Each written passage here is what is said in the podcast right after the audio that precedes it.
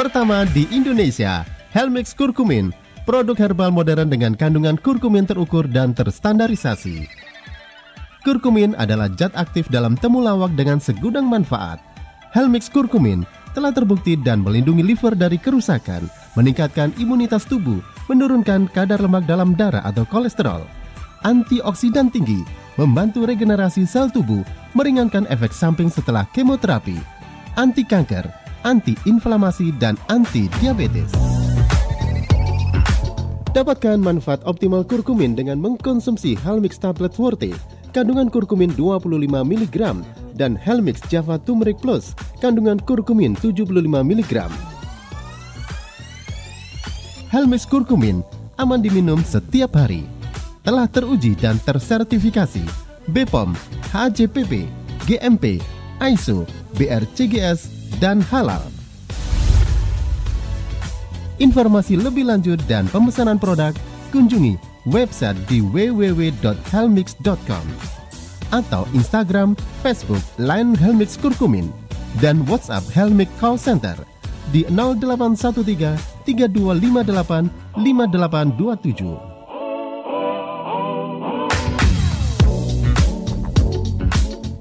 Helmix Kurkumin juga dapat dibeli di marketplace kesayangan Anda.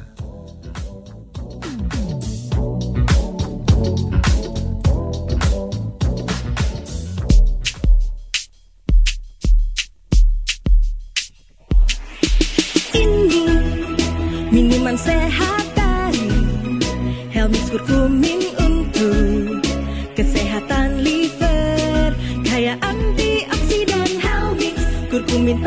setiap harimu Helmix Kurkumin jaga imun tubuhmu Helmix Kurkumin sehat untuk livermu. Healthy liver, healthy you. Helmix, upgrade minumanmu.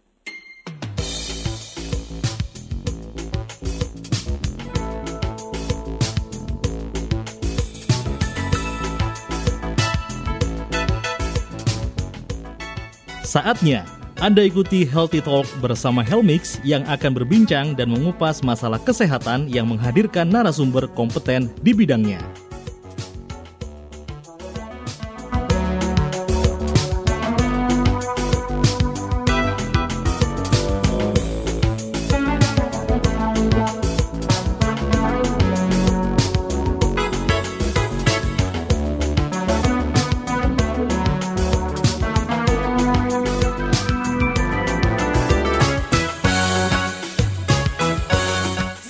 Tujuh Trijaya FM Surabaya The Real News and Information. Halo apa kabar Anda? Sore hari ini pendengar Trijaya.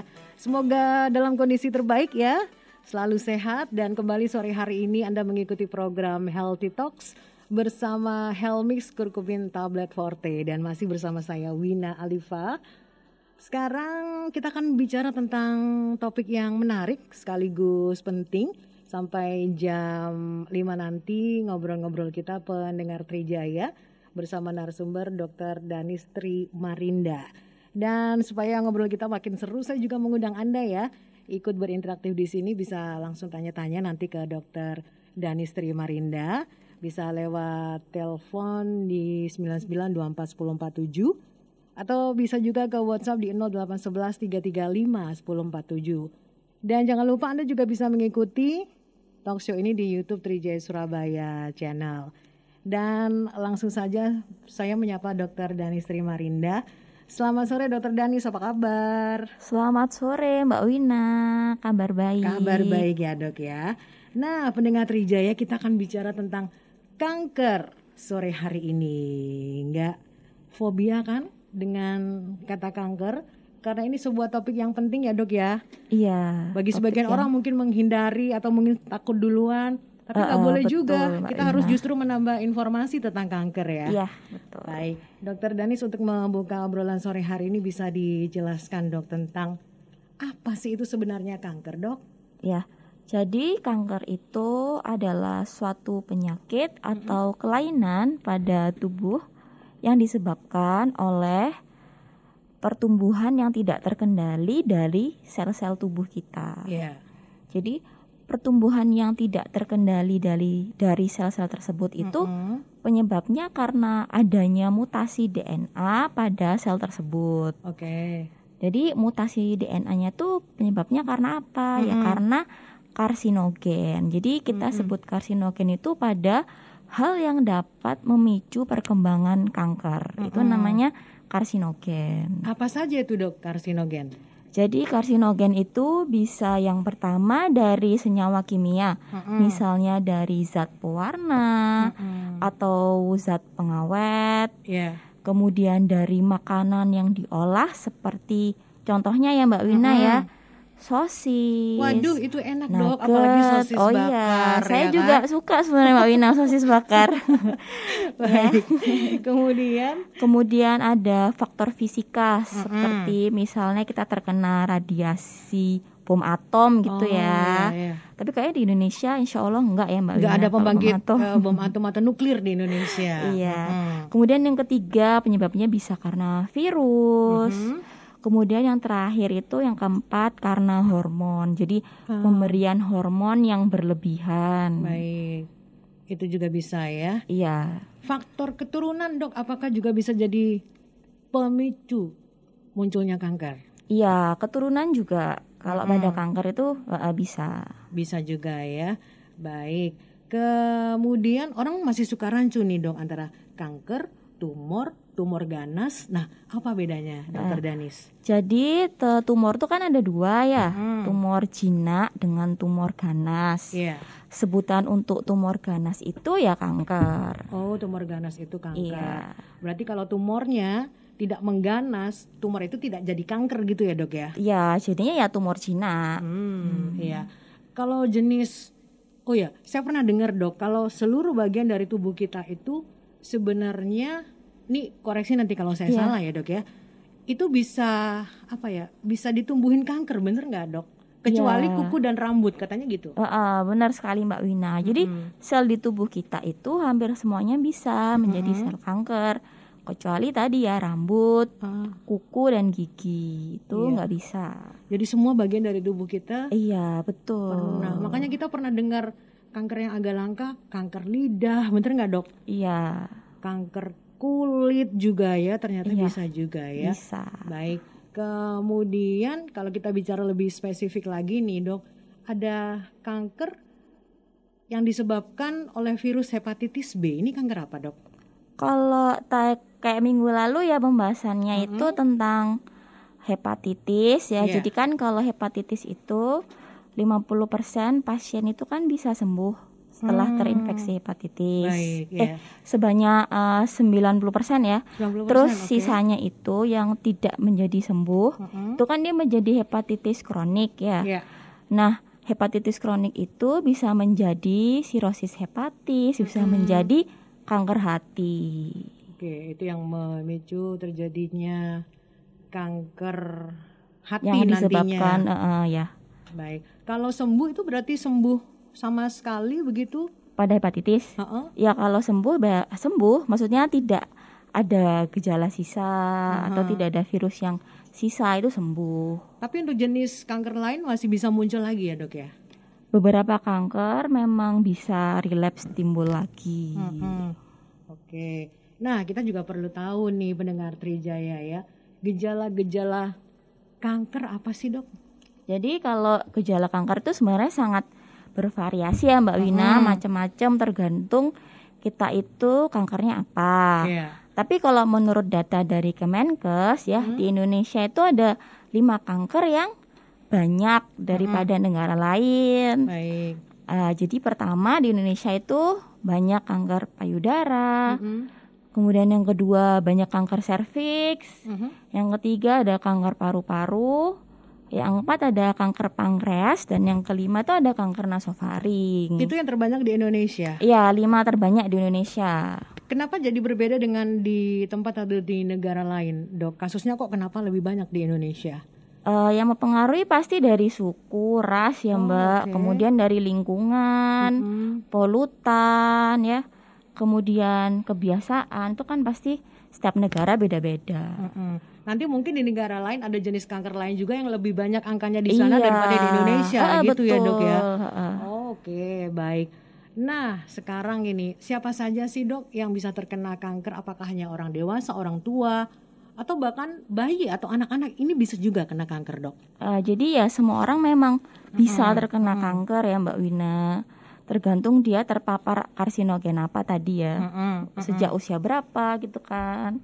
Jadi semua orang bisa kena kanker. Semuanya bisa. Mm-mm. Tapi kalau dokter Danis boleh jelaskan lagi, misalnya untuk anak kecil, kanker apa biasanya yang bisa diderita oleh anak-anak atau bahkan bayi? Ya, jadi biasanya kanker itu manifestasinya tuh agak lama Mbak Wina. Jadi biasanya memang dia itu baru muncul tuh saat usia dewasa, Iya. jarang pada anak-anak. Mm-mm. Jadi misalnya nih ada seseorang yang terinfeksi human papilloma virus kan HIV ya? H- HPV. Oh HPV sorry HPV maaf. itu salah satu penyebab kanker serviks ya. Iya iya. Jadi bisa aja dia tuh terinfeksi saat usia 20 tahun, tapi manifestasi gejalanya keluar tuh saat dia usia 35 tahun ya itu Panjang eh, sekali ya eh, dok ya. Jadi kebanyakan ya kalau kanker tuh saat dewasa itu yang baru muncul gejalanya. Padahal kalau tadi dicontohkan dokter Danis, dia sudah terinfeksi di usia 20 tahun. Eh, eh, Tapi gejalanya baru dia rasakan dewasa. 15 tahun kemudian. Iya bisa gitu. Kalau anak-anak itu kebanyakan Wilms tumor ya tumor pada ginjal. Uh, tapi kalau di Indonesia tadi nggak begitu banyak ya. Kebanyakan tadi yang kanker payudara, kanker Oke. serviks ya. Leukemia kabarnya juga banyak menyerang anak-anak ya dok. Iya. uh, Kanker darah ya. Tapi tetap presentasinya lebih tinggi tadi ya. Kanker payudara, kanker serviks, kanker paru-paru. Oh Banyak sekali di Indonesia. Baik. Nah, sudah mulai menarik kan pendengar Trijaya bincang-bincang kita. Jadi silahkan ya untuk berinteraktif di sini bisa telepon ke 99241047 atau silakan lewat WhatsApp di 0811 335 1047. Nanti untuk Anda yang beruntung ada giveaway dari Helmix untuk Anda. Jadi saya tunggu interaktif Anda.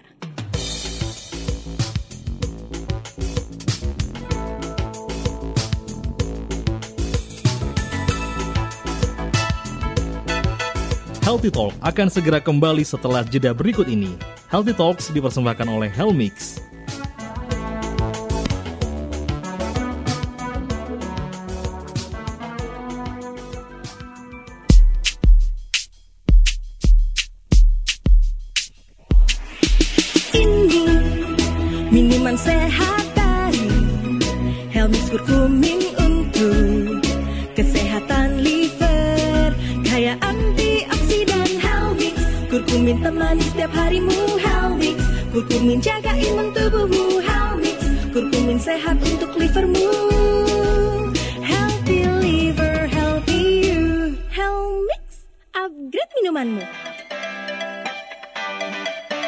Pertama di Indonesia, Helmix Kurkumin, produk herbal modern dengan kandungan kurkumin terukur dan terstandarisasi.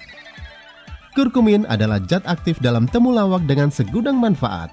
Helmix Kurkumin telah terbukti dan melindungi liver dari kerusakan, meningkatkan imunitas tubuh, menurunkan kadar lemak dalam darah atau kolesterol, antioksidan tinggi, membantu regenerasi sel tubuh, meringankan efek samping setelah kemoterapi, anti kanker, anti-inflamasi, dan anti-diabetes.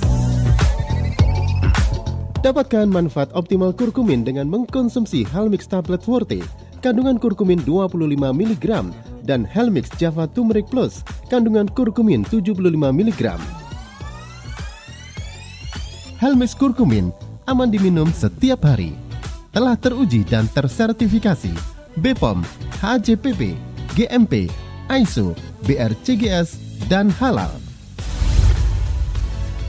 Informasi lebih lanjut dan pemesanan produk kunjungi website di www.helmix.com atau Instagram, Facebook, Line Helmix Kurkumin dan WhatsApp Helmix Call Center di 0813 3258 5827.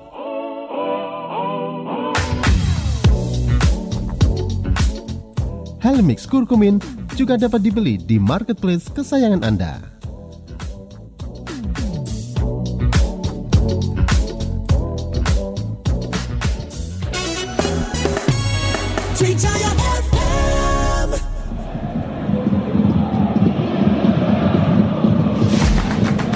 Serba-serbi Piala Dunia 2022.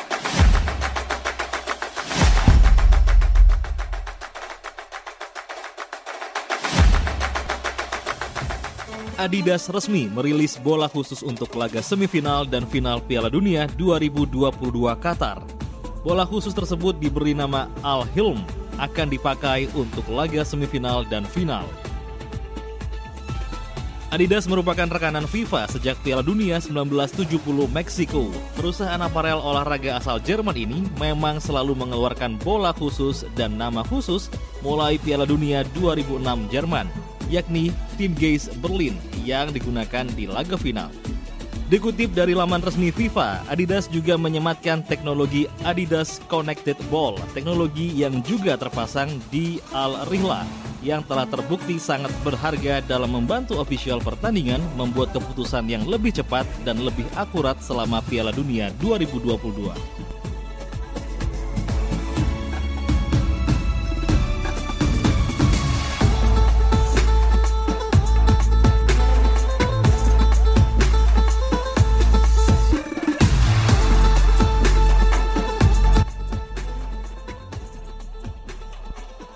Piala Dunia 2022 di Qatar telah melarang hal-hal yang bernuansa LGBT. Qatar dan FIFA sebelumnya ketat menyoal atribut yang dianggap berkaitan dengan komunitas LGBT. Meskipun kini FIFA dan Qatar telah memperbolehkan atribut LGBT ini masuk dalam ajang Piala Dunia Qatar. Sejumlah negara yang sempat mendukung LGBT akhirnya tumbang sebelum babak final berlangsung. Belgia, Denmark, Jerman, dan Wales menjadi empat negara pertama pendukung LGBT yang gugur pada Piala Dunia 2022. Sedangkan negara yang tersingkir di fase grup adalah Denmark. Kemudian pada 16 besar Piala Dunia 2022, Swiss harus mundur dan kemudian disusul Belanda dan Inggris pada perempat final Piala Dunia.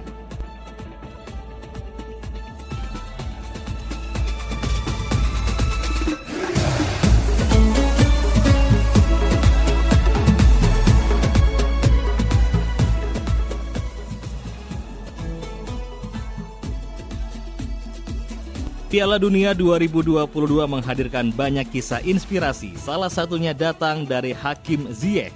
Pemain Maroko itu mengakui tidak pernah menikmati uang selama membela Singa Atlas. Ziyech menuturkan bahwa uang yang diterimanya itu selalu disumbangkan ke fakir miskin.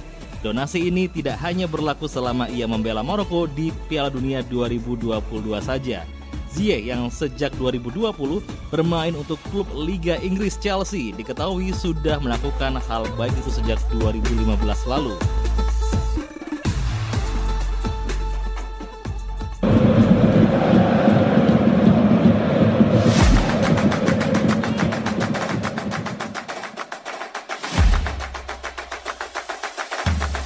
Serba-serbi Piala Dunia 2022 dipersembahkan 104.7 MNC Trijaya Surabaya.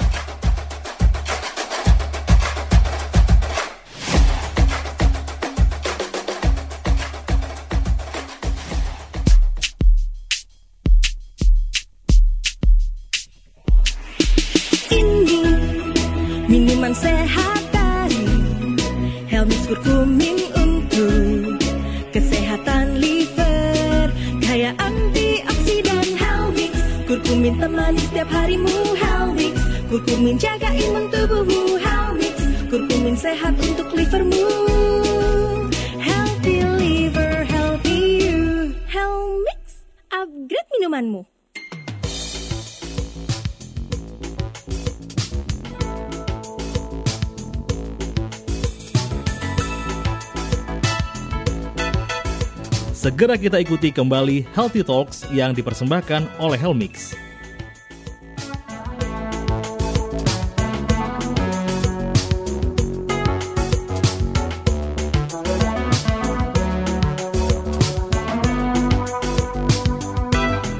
Pendengar Trijaya kita lanjutkan kembali bincang-bincang kita masih dalam Healthy Talks dan kita juga masih membicarakan tentang bahaya kanker masih bersama narasumber Dr. Danistri Marinda.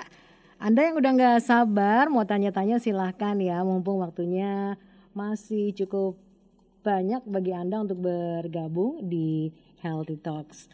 Dan Dr. Danis kita lanjut lagi ya bincang-bincang tentang kanker. Sekarang tentang ini dok, apa benar setiap orang itu sudah ada bibit kanker? Karena saya juga pernah dengar setiap orang itu sudah ada sel kankernya loh. Cuman sel kankernya itu ada yang lagi tidur, ada yang mulai bangun, ada yang sudah bangun. Gimana dok? Saya jadi takut loh dok dengar ini dok. Eh, jadi sebenarnya gini, kalau misalnya di keluarga kita ada riwayat yang menderita kanker ya, kemungkinan besar memang sel kanker tersebut tuh diturunkan gitu. Jadi misalnya nih eh, ibu kita menderita kanker, kemudian eh, kita juga bisa berpotensi untuk mempunyai eh, sel yang tadi DNA-nya bermutasi tuh di dalam diri kita. Iya. Tapi eh, muncul atau enggaknya ya tergantung dari gaya hidup kita. Hmm. Jadi bukan seperti vonis gitu ya dok, kalau ada keturunan kanker pasti kena kanker, nggak gitu Iya, juga ya? heeh, jadi nggak gitu juga. Aduh, ini saya sedikit lega mendengar itu. Tapi dok, misalnya seorang ibu kanker payudara, apakah ke anaknya nanti kalau kena kanker itu sama juga kanker payudara atau bisa kanker yang lain? Bisa juga dia kanker payudara. Bisa yang lain juga? Eh, bisa, tapi biasanya itu yang sama gitu ya. Oh, Oke, sama ya. Nah, kalau bicara tentang sel kanker, dok, sama nggak sih dok, misalnya sel kanker otak dengan sel kanker tulang, dengan sel kanker payudara dan sel kanker lainnya, dok? Eh, eh, jadi pastinya berbeda ya Mbak, kan karena beda organ. Iya. Jadi kan karena sel kanker tadi kan bisa di or- di sel mana saja tadi kan. Kecuali yang tadi kuku, rambut, gigi. Jadi dia pasti kalau di lokasi yang berbeda itu pasti ya beda dengan lokasi yang lain jenis sel kankernya.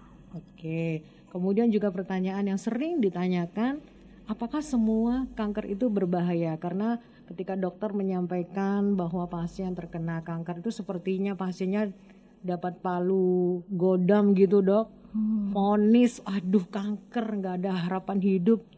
Apakah semua kanker memang berbahaya dok? Ya, kalau kanker memang berbahaya Mbak ya. Karena kan tadi kanker kan sifatnya kan ganas ya. Iya. Maksudnya dia kan memang tumor ganas beda dengan tumor jinak tadi ya. Iya. Jadi ya tumor ganas atau kanker itu ya pasti dia lebih berbahaya daripada tumor jinak. Mm-mm. Jadi semua kanker memang berbahaya. Iya, memang berbahaya. ada rankingnya nggak dok? Paling berbahaya ini, nomor dua ini, nomor tiga ini. Ya, Gimana dok? sebenarnya itu tergantung nanti ya stadium. Maksudnya kan pasien itu datang ke dokter itu stadiumnya kan beda-beda, Mbak. Kondisinya beda-beda. Iya. Pasti nanti ada faktor yang memperberat kondisinya, entah dia punya penyakit lain atau gimana nanti kan perlu pemeriksaan lebih lanjut. Iya. Kemudian benar nggak dok kalau biasanya pasien itu menyadari dia ada kanker ketika sudah menunjukkan gejala atau bahkan ketika kondisinya sudah parah karena di awal-awal katanya bahayanya kanker itu dia tidak memberikan gejala apa pun kepada orang yang menderita kanker itu betul nggak dok? Iya benar. Jadi kanker itu memang kadang gejalanya nggak kita sadari ya kayak penyakit-penyakit biasa. Jadi baru kelihatan itu kalau gejalanya udah kayak kelihatan kayak misalnya kanker payudara. Misalnya udah kelihatan ini ada benjolan itu kan kita baru sadar. Atau pada kanker serviks kita menyadari setelah kok di dari vagina aku keluar darah ya padahal aku nggak waktunya menstruasi gitu. Atau misalnya pada kanker paru-paru, loh kok tiba-tiba aku batuk darah ya.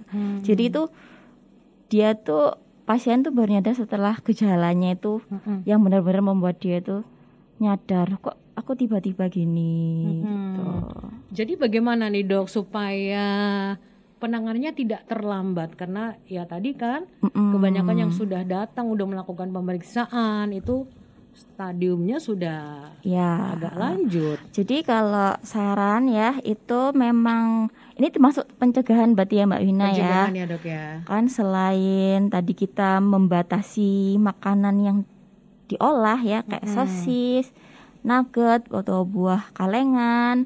Terus kita juga menjaga berat badan kita ideal ya kan banyak makan sayur dan buah. Kemudian yang nggak kalah penting itu adanya deteksi dini. Iya. Jadi kalau pemerintah tuh kan udah menyiapkan beberapa program, program ya. Kalau misalnya untuk deteksi dini kanker payudara, kita bisa melakukan yang sadari itu Mbak. Mm-mm. Periksa payudara sendiri, Sendiri. di depan cermin itu Mbak ya. Iya. Nah, itu kan termasuk screening awal ya. Kemudian pada kanker serviks kita bisa melakukan pemeriksaan IVA atau inspeksi visual asetat itu atau menggunakan pap smear. Nah, itu termasuk screening yang sebenarnya itu perlu dilakukan Mm-mm. supaya nggak telat gitu. Baik. Nah, yang perlu melakukan screening ini orang-orang dengan resiko yang tinggi ya, seperti misalnya ada keturunan atau semua dari kita memang harus melakukan pemeriksaan dini itu, Dok. Sebenarnya baiknya tuh kita semua, Semua ya. Karena semua orang kan beresiko kena kanker. heeh. Tapi kan kalau sekarang pemerintah kan eh, dari jadi menurut menurut rekomendasi dari WHO, jadi IDA itu sekarang memasukkan vaksin HP, HPV itu imunisasi wajib ya Oke. itu anak-anak. Jadi kan tadi salah satu penyebab kanker serviks itu kan 99% karena HPV ya, Iya. human papilloma virus. Iya. Sekarang udah ada vaksinnya. Hmm, Nah, untuk wanita eh, pra remaja, remaja dan dewasa sekarang juga udah bisa vaksin HPV. Itu merupakan merupakan salah satu tindakan pencegahan ya untuk kanker serviks. Oke, baik. Sebelum kita lanjutkan dok, juga pendengar Trijaya, ini ada informasi dari Helmix. Pertama di Indonesia, Helmix Kurkumin, produk herbal modern dengan kandungan kurkumin terukur dan terstandarisasi. Kurkumin adalah zat aktif dalam temulawak dengan segudang manfaat. Helmix Kurkumin sudah terbukti bisa melindungi liver dari kerusakan, meningkatkan imunitas tubuh, menurunkan kadar lemak dalam darah atau kolesterol, antioksidan tinggi, membantu regenerasi sel tubuh, meringankan efek samping setelah kemoterapi, anti kanker, anti inflamasi dan anti diabetes. Dapatkan manfaat optimal kurkumin dengan mengkonsumsi Helmix Tarbet Helmix Tablet Forte dengan kandungan kurkumin 25 mg dan Helmix Java Turmeric Plus dengan kandungan kurkumin 75 mg. Helmix kurkumin aman diminum setiap hari. Telah teruji dan tersertifikasi BPOM, HACCP, GMP, ISO, BRCGS dan halal. Untuk informasi lebih lanjut pendengar Trijaya juga pemesanan produk silakan kunjungi websitenya di www.helmix.com atau bisa juga lewat Instagram dan Facebook atau Line Helmix Kurkumin. Bisa juga Anda kirimkan WA ke Helmix Call Center di 0813 3258 5827. Helmix Kurkumin juga bisa dibeli di marketplace kesayangan Anda. Baik, kita lanjutkan lagi ya, dokter. Dan ini sudah beberapa pendengar Trijaya yang mengirimkan pertanyaannya lewat WhatsApp. Kita tanggapi dulu. Ini dari Mbak Yuli Pras. Pertanyaannya, oke, sebentar. Penyebab kanker tadi sudah dijelaskan, termasuk juga kanker yang berbahaya. Apa ciri-ciri kanker, dok? Pertanyaannya Mbak Yuli. Ini agak umum ya pertanyaannya ya. Padahal jenis kanker kan banyak ya dok ya. Heeh. Atau mungkin contohnya aja. Kanker ini contoh kanker ini cirinya seperti ini gitu dok. Oh, jadi gejala maksudnya ya. Hmm, mungkin gejala nih yang Oh, ditanyakan gitu ya. Jadi aku bahasnya tadi yang lima kanker terbanyak di Indonesia tadi ya. Kalau misalnya kanker payudara ya, kita harus aware kok misalnya ada benjolan di payudara kita. Atau kita ngelihat kok kulit payudaraku ini ada yang berkerut ya, kayak kulit jeruk. Atau kok payudaraku tuh rasanya bengkak atau kok ada keluar cairan dari putingku atau ada keluar darah itu kita aware gitu ya Iya. terjadi sesuatu di payudara kita. Kalau pada kanker serviks tadi ya keluarnya darah tapi di luar waktu menstruasi. Terus keputihan kita kok bau ya maksudnya baunya beda dari keputihan yang normal ya. Iya. Biasanya lebih visi gitu, lebih kayak amis gitu. Iya. Terus kemudian pada kanker paru-paru nih, misalnya tiba-tiba batuk darah. heeh. Terus kepada kanker hati tadi kan bisa tib- kok kulit kita kuning Iya. atau perutku kok jadi besar ya kan hatinya membesar itu. Atau Itu. pada kanker nasofaring tadi, misalnya tuh pasien sering pilek atau kok sering, sering, pilek ya dok? ya sering maksudnya nggak pilek doang mbak maksudnya Oh, eh, disertai kok hidungku sering tersumbat Mhm. terus telingaku kok sering berdenging ya Mhm. macam-macam gitu seperti itu beberapa kanker dan ciri-ciri atau gejalanya ya Iya. dok ya. Kemudian beralih ke pertanyaan berikutnya dari Mbak Desi, Mbak Desi Arfiani. Orang yang kena kanker apakah menular dok? Bagaimana ciri-ciri sel kanker? Bagaimana supaya kita tidak kena kanker? oh ya jadi kanker itu kan nggak nggak menular ya Hmm, bukan jadi penyakit menular. bukan penyakit menular terus tadi apa lagi mbak Wina Oke, saya lihat lagi ciri-ciri sel kanker dan bagaimana supaya kita tidak kena kanker. Kalau ciri-ciri sel kanker yang jelas tadi ya, jadi dia itu eh, sel yang tumbuhnya itu tidak beraturan tadi kan, Oke. karena adanya mutasi dari DNA sel tersebut. Terus tadi mencegahnya gimana ya? Cara mencegahnya supaya nggak kena kanker. Eh, tadi ya pola hidup sehat, membatasi makanan yang diolah tadi ya sosis, nugget, buah yang di kaleng, kornet. Kemudian banyak makan sayur dan buah, Iya. menjaga berat badan kita ya. Mm. Terus hindari paparan asap rokok Mm-mm. dan melakukan deteksi dini tadi ya screening. Baik, agak susah ya dok zaman sekarang misalnya tadi makanan-makanan instan, makanan olahan itu kan yang iya, praktis. soalnya enak ya. Dan yang penting praktis ya dok ya. iya, praktis, enak, cepet. Iya. Baik mendengar Trijaya kita masih punya satu sesi lagi ya untuk melanjutkan bincang-bincang kita masih di Healthy Talks bersama Helmix.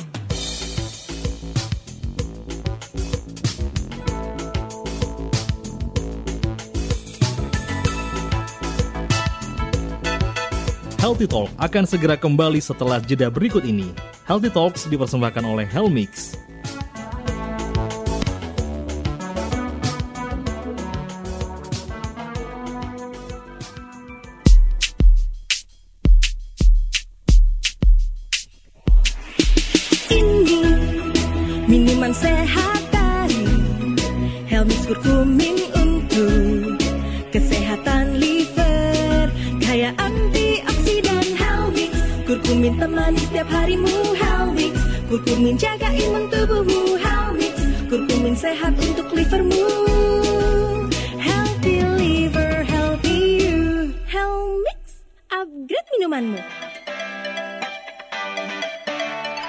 Pertama di Indonesia, Helmix Kurkumin, produk herbal modern dengan kandungan kurkumin terukur dan terstandarisasi. Kurkumin adalah zat aktif dalam temulawak dengan segudang manfaat. Helmix Kurkumin telah terbukti dan melindungi liver dari kerusakan, meningkatkan imunitas tubuh, menurunkan kadar lemak dalam darah atau kolesterol, antioksidan tinggi, membantu regenerasi sel tubuh, meringankan efek samping setelah kemoterapi, anti kanker, anti-inflamasi, dan anti-diabetes. Dapatkan manfaat optimal kurkumin dengan mengkonsumsi Helmix Tablet Forte, kandungan kurkumin 25 mg, dan Helmix Java Turmeric Plus, kandungan kurkumin 75 mg. Helmix Kurkumin aman diminum setiap hari. Telah teruji dan tersertifikasi BPOM, HACCP, GMP, ISO, BRCGS, dan halal. Informasi lebih lanjut dan pemesanan produk kunjungi website di www.helmix.com atau Instagram, Facebook, Line Helmix Kurkumin dan WhatsApp Helmix Call Center di 0813 3258 5827.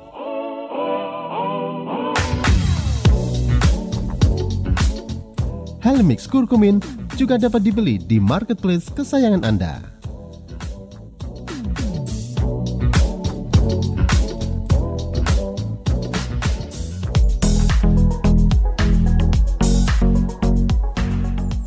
Pak, Bapak, ayo kita belanja sekarang. Udah siang begini. Iya bu, sebentar.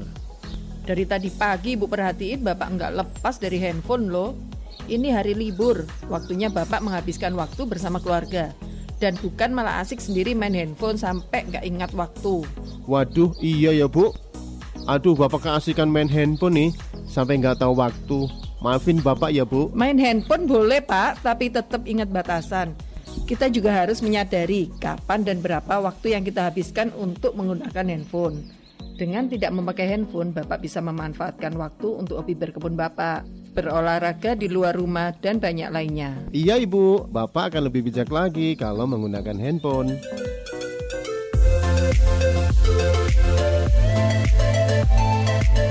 Perkembangan teknologi memang membuat hidup kita semakin mudah. Sayangnya, jika kita tidak mampu memanfaatkan dengan baik, maka kita sendiri yang akan menjadi korban dari perkembangan teknologi tersebut. Dengan beristirahat dari gawai kita akan mendapat manfaat seperti hubungan personal akan makin harmonis karena tanpa disadari kebiasaan membuka ponsel saat berinteraksi dengan orang lain justru membuat Anda atau pasangan Anda semakin menjauh. Selain itu, saat Anda terlalu lama menatap layar smartphone, otot mata lama-kelamaan akan lelah. Apalagi, radiasi yang dipancarkan pun juga kuat. Nah, dengan puasa gadget akan membuat mata Anda lebih rileks dan segar. Dan berbicara di telepon selama berjam-jam atau mendengarkan musik dari smartphone Anda akan membuat telinga jadi berdengung dan panas. Untuk itu, Anda perlu puasa dari gawai untuk beberapa waktu lamanya. Iklan layanan masyarakat ini dipersembahkan oleh MNC Trijaya FM Surabaya.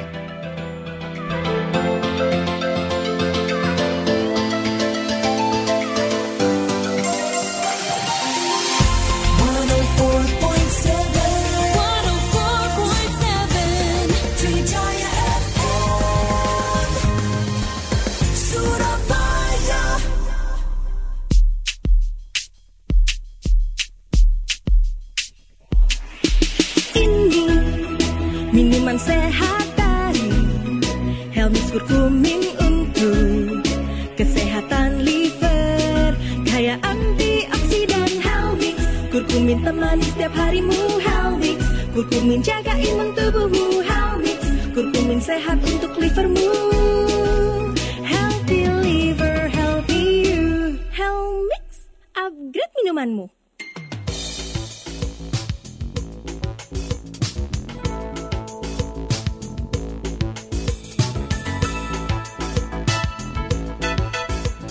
Segera kita ikuti kembali Healthy Talks yang dipersembahkan oleh Helmix.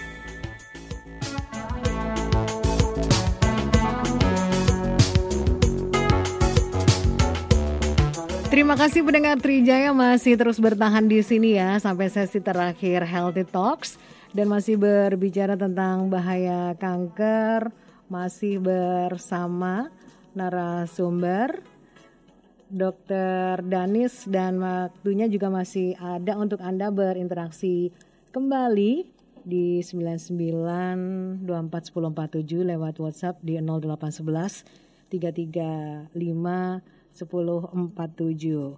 Kita jawab lagi pertanyaan yang sudah masuk ya Dokter Danis ya. Dari Mbak Dina di Surabaya masih tentang kanker payudara. Apakah ada benjolan di payudara? Sudah pasti itu kanker. Terus nyambung lagi sama pertanyaannya Mas Bayu. Kalau seseorang didiagnosa menderita kanker stadium 4, apakah masih ada harapan untuk sembuh atau benar-benar sudah tidak ada harapan lagi? Dan kalau masih stadium 1, berapa persentase kemungkinan untuk sembuh total? Silakan dok. Ya, jadi kalau ada benjolan di payudara kita, ya belum tentu tuh kanker ya, bisa aja tuh tumor jinak. Jadi kalau ada benjolan di payudara, harus kita periksa dulu itu Iya. termasuk tumor jinak atau tumor ganas. Nah, Hmm. cara periksanya gimana? Yaitu nanti Iya. bisa dilakukan biopsi atau FNAB yang nanti itu akan dikirim ke patologi anatomi untuk dilihat ini termasuk tumor jinak atau tumor ganas. Jadi taunya dari pemeriksaan itu Mbak Wina. Jadi jangan keburu panik juga ya, Iya, tapi harus, waspada. diperiksa dulu. Hmm. Kemudian tadi tentang kalau stadium 4 masih ada harapan dok? Ya, untuk jadi sembuh? kalau kanker stadium 4 itu memang ke apa ya? Oke, sebentar. Tingkat hidup ya. Sebentar dok, ada penelpon kita jawab dulu ya. Oke. Selamat sore. Selamat sore, Dengan ibu siapa ini? Ibu Soliha di Surabaya. Ya, silahkan Bu Soliha. Nah, dok, mau saya tanyakan, ah saya itu kan punya anak gadis dok ya, umur Mm-mm. 18, dua kembar. Yang satunya itu kalau hari itu normal, setiap bulan. Terus yang satunya itu kalau haid itu ya tiap bulan, tapi kalau sudah satu minggu itu berhenti berapa hari itu keluar lagi. Mm-mm. Terus sampai itu lagi berulang-ulang.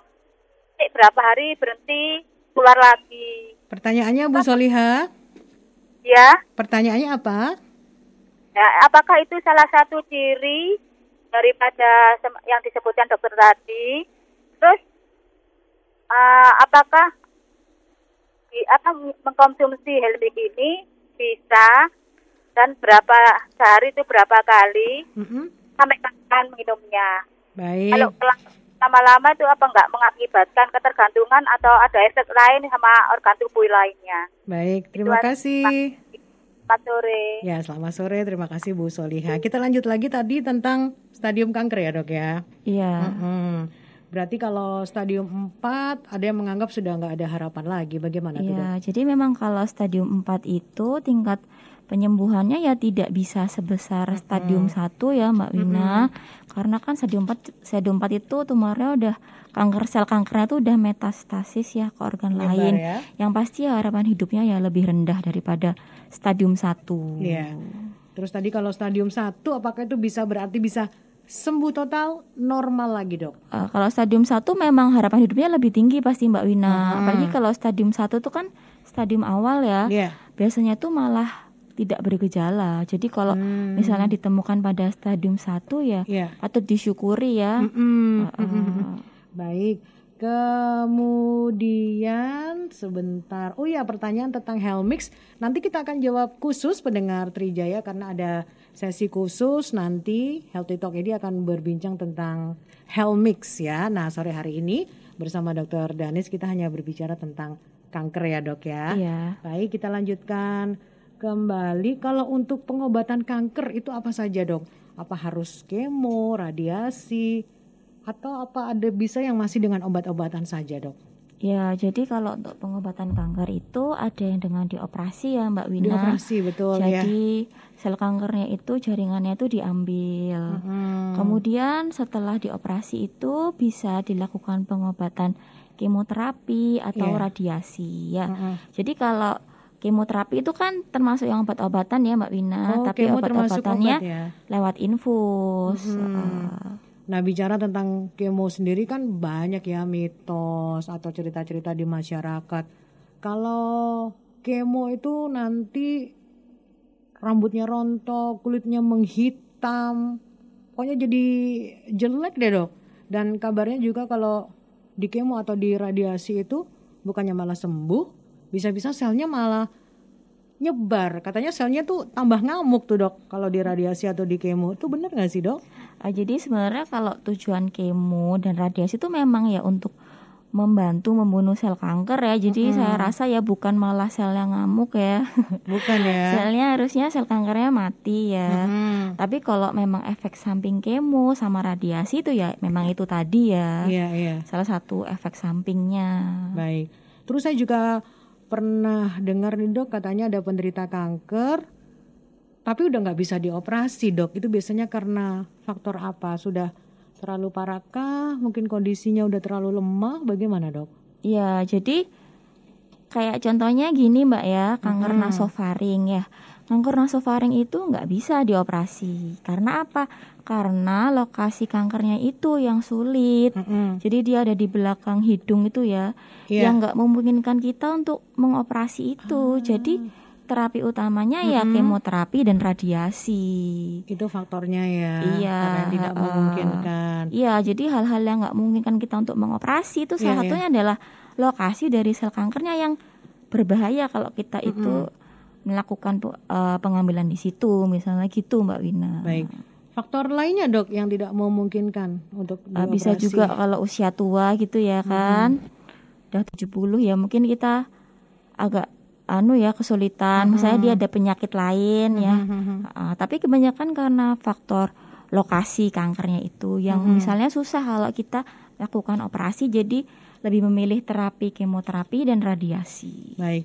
Dok, saya pernah mendengar tentang terapi paliatif ya. Ya. Untuk kanker ini terapi yang seperti apa, Dok? Jadi kalau terapi paliatif itu kita eh, hanya mengurangi keluhan pasien aja ya. Hmm. Biasanya pada pasien yang stadium 4 itu Hmm. Heeh, jadi kita hanya memberikan obat sesuai dengan keluhannya. Kayak misalnya keluhannya nyeri ya kita kasih anti nyeri gitu. Hmm. Jadi suportif gitu loh Mbak. Jadi hanya mengurangi rasa sakitnya Iya. supaya si pasien tidak merasa lebih merasa nyaman gitu loh nyaman, Mbak. tidak menderita, tidak kesakitan, tapi kankernya sendiri sudah tidak bisa disembuhkan. Begitu, Iya, dok? heeh, mungkin seperti itu. Baik, dok. Kalau ada anggota keluarga kita, mudah-mudahan sih tidak ya, tetangga atau teman kita yang terkena kanker, support apa sih dok yang bisa kita berikan karena mereka pasti kondisinya sangat terpukul ya. Belum lagi juga pengobatan kanker ini nggak murah. Apa yang bisa kita lakukan untuk memberikan semangat kepada penderita kanker dok?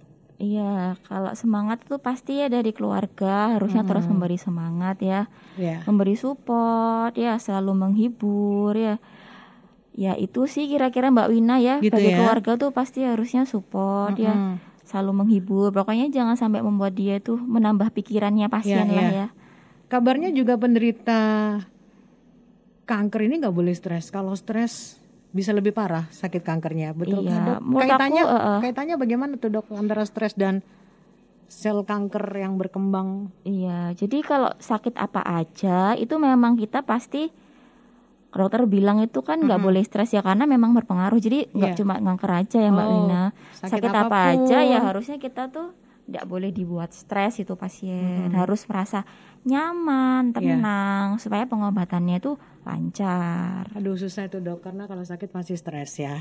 iya Kepikiran. iya mikirin keluarga mikirin apa gitu ya Wina dan sebagainya.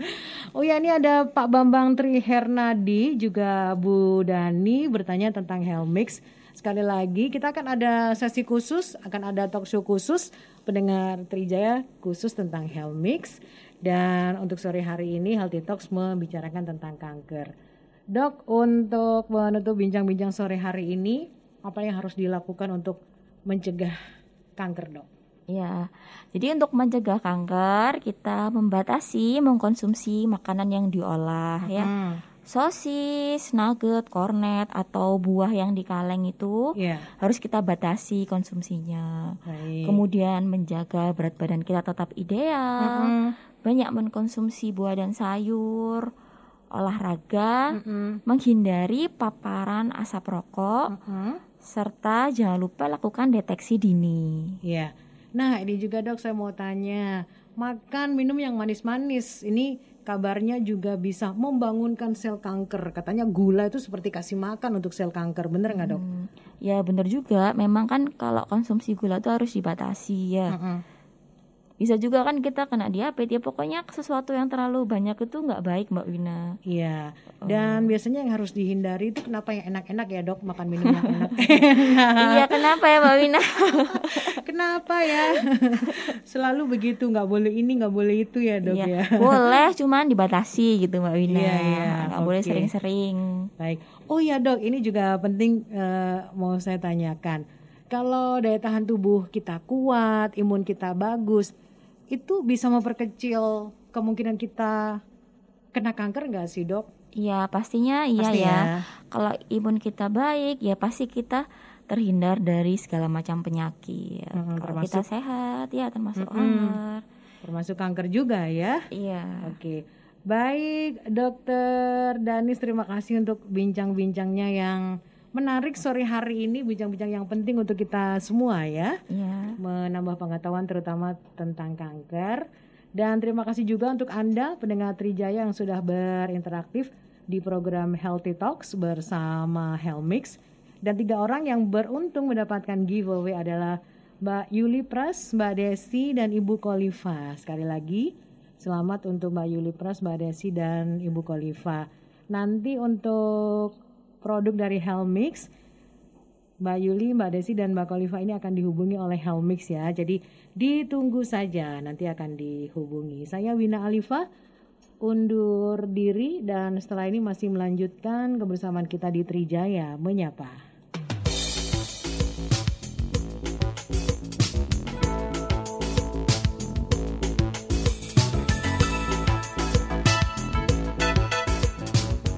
Setelah Anda ikuti Healthy Talks yang dipersembahkan oleh Helmix, ikuti Healthy Talk di waktu dan gelombang yang sama di 104.7 MNC Trijaya FM Surabaya.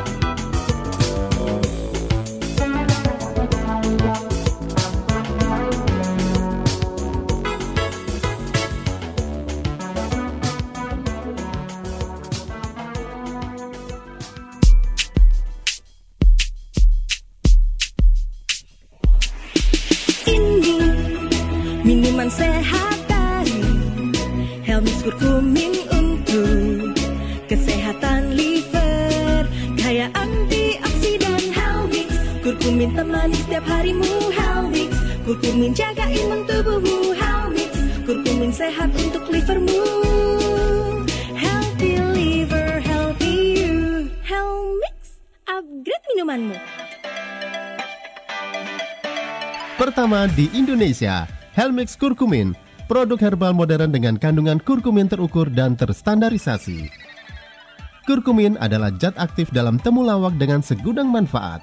Helmix Kurkumin telah terbukti dan melindungi liver dari kerusakan, meningkatkan imunitas tubuh, menurunkan kadar lemak dalam darah atau kolesterol, antioksidan tinggi, membantu regenerasi sel tubuh, meringankan efek samping setelah kemoterapi, anti kanker, anti-inflamasi, dan anti-diabetes.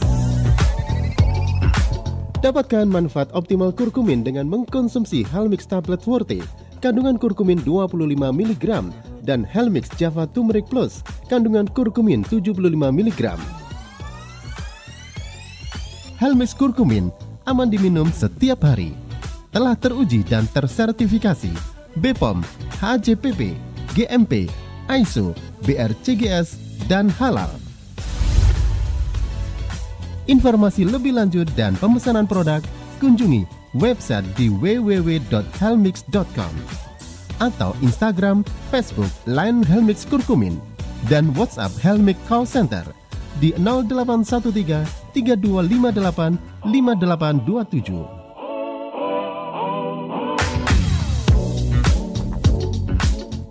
Helmix Kurkumin juga dapat dibeli di marketplace kesayangan Anda.